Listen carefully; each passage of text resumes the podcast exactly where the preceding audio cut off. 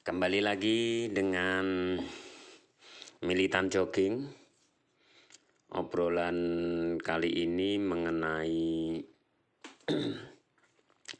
mengenai kesehatan. Jadi dulu waktu masih uh, memiliki badan yang overweight itu memang apa ya kita itu menjadi malas gitu loh. Keinginannya itu hanya makan bersantai ya menikmati hidup lah. Kalau bisa dikatakan seperti itu. Tetapi efek dari itu beberapa tahun berikutnya kalau yang terjadi pada diri saya sih mulai eh, 2013 begitu naik pangkat itu mulai terasa kenaikan berat badan itu. Jadi ya apa ya suasana nyaman suasana yang makan terus kondisinya itu dari 2013 kemudian 2014 2015 puncaknya di 2015 sampai awal 2016 itu badan itu betul-betul berat. Sampai berat badan saya itu mencapai di berat 93 antara itulah 93 94 mungkin 95 karena melihat timbangan itu kita juga Jadi takut gitu ngeri karena lihat berat badan yang yang gendut terus akhirnya kita jadi malas gitu. Itu memang membuat kita apa ya terlalu terlena gitu loh dengan uh, kondisi yang enak nyaman gitu. Kalau ditanya sama istri itu kurangilah berat badanmu ya. Jawaban kita pun dengan cepat menyatakan yo ben gitu atau uh, rapopo padahal yo popo juga artinya kita itu kepayahan. Nggak begitu lama di awal-awal 2016 itu ya terlihat tanda-tanda bahwa kita itu apa ya ya kalau boleh dibilang ya serangan jantung yang ringan lah. Nah mulai dari itulah kita jadi berpikir jadi takut jadi pengen kurus gitu. Tetapi ya berat untuk pelaksanaannya. Waktu itu beberapa kali sudah terus berusaha untuk memiliki kekuatan supaya kita bisa kurus. Semua cara sudah kita tempuh di antaranya kita mulai diet. Dari diet, diet gitu eh, ternyata eh, keberhasilannya sedikit karena memang kita itu tempat sampah jadi makannya itu kadang nggak terkontrol begitu di tempat makan anaknya kekenyangan gitu langsung dikasihkan ini untuk ayah.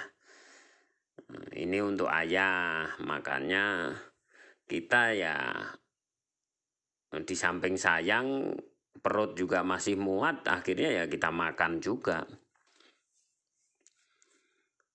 Setelah melakukan diet kita masih berpikir apalagi tinggal satu yang belum itu yaitu berlari.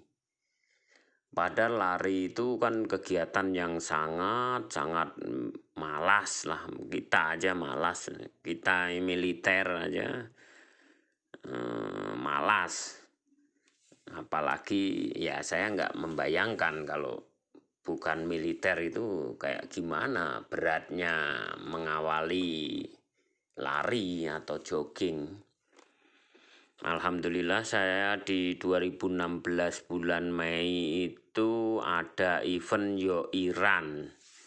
Yo Iran itu di prakarsai atau didatangi oleh pemain pemain bulu tangkis dunia legendaris kita.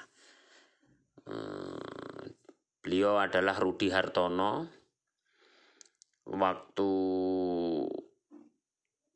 sebelum start lari, Rudi Hartono itu mengatakan bahwa dia dulunya waktu kenapa mampu menjuarai itu karena dia setiap hari lari 10 kilo. Saya ulangi dia lari 10 kilo setiap harinya. Nah dari kata-kata itu eh, sempat saya cermati wah hebat sekali gitu loh. Kita lari 10 kilo itu begitu jauh gitu. Bayangannya waktu itu seperti itu. Akhirnya pas kegiatan itu juga kita peluit dibunyikan bahwa kita start lari kita lari dari gedung Merdeka Bandung dari dari alun-alun itu menuju ke arah masjid Agung terus di Jalan Otista Otista kita belok kiri sampai di Tegalega. Dari Tegalega memutar memutari Tegalega jalan pelajar pejuang BKR itu Begitu sampai di Marta Negara belok kanan ke arah Jalan Marta Negara. Kemudian melalui Jalan Marta Negara belok kiri ke arah Trans Studio atau B BSM, TSM, Trans Studio Mart. Dari depan Trans Studio Mart ke kiri sampai dengan perempatan Sesko Nah, di perempatan Sesko itu saya melihat eh, orang tua lah. Saya tidak kenal waktu itu. Begitu saya lihat itu di perempatan Sesko, dia kok larinya pelan gitu, stabil. Saya sebagai yang lebih muda itu ngejar, mengejar. Sampai di Papandayan, Hotel Papandayan, depan Hotel Papandayan saya ngobrol sama beliau menanyakan. Oh, hebat sekali nih Bapak ini. Saya tanya, umurnya berapa Pak? 67 tahun waktu itu. Saya di 40 tahun. 2016 itu saya 41 ya. Iya, di 41 tahun.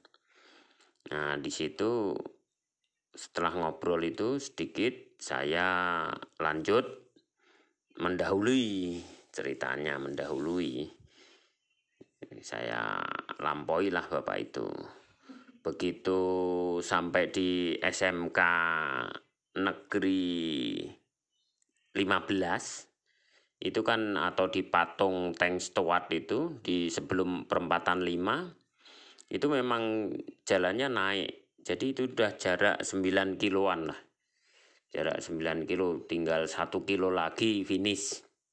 Karena jaraknya 10 kilo. Nah pas di depan SMK itu mendekati perempatan 5, ternyata bapak yang di belakang saya itu mengejar dan mengatakan aku duluan dek gitu loh.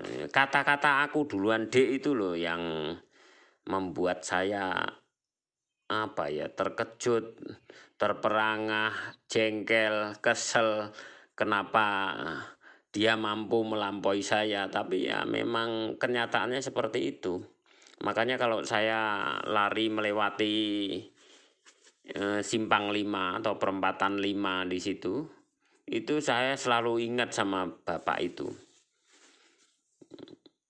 Beliaulah yang salah satu penyemangat saya untuk melaksanakan jogging. Nah, dari itulah begitu melewati simpang 5 saya masih di belakangnya terus. Terlihat memang jaraknya sekitar 200 meter, 200 atau 300 meter di depan saya. Tapi saya memang nggak mampu melampaui. Begitu Bapak itu finish, kita baru melet-melet finish di Gedung Merdeka, depan Gedung Merdeka.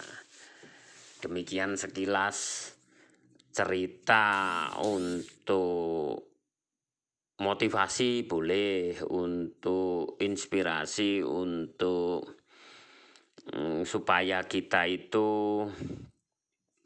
um, jadi paham atau jadi punya semangat lah ini. Saya bercerita ini supaya yang mendengarkan podcast saya ini bisa ikut-ikut bersemangat dari cerita saya itu. Untuk itu tetap semangat. Militan jogging Senapati